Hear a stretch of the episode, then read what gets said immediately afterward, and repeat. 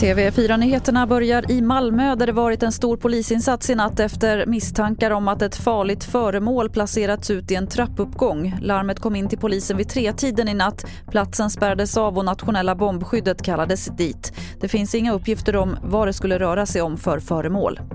251 spanska präster utreds för pedofili av Vatikanen efter att det har rapporterats om övergrepp inom den katolska kyrkan i spanska medier. Utredningen saknar motstycke i Spanien, skriver tidningen El País.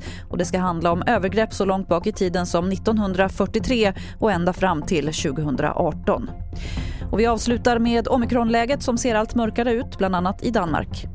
Det ser mörkt ut i Danmark lagom till jul. Förekomsten av omikron ökar i en rasande takt. Siffror från Statens seruminstituts senaste rapport visar att nästan 40 procent av de bekräftade covidfallen i tisdags utgjordes av den nya varianten. Och allt fler länder i Europa skärper nu restriktionerna.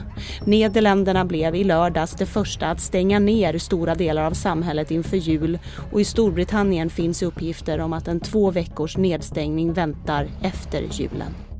Reporter här var Maria Snellman och fler nyheter hittar du på tv4.se. Jag heter Lotta Wall.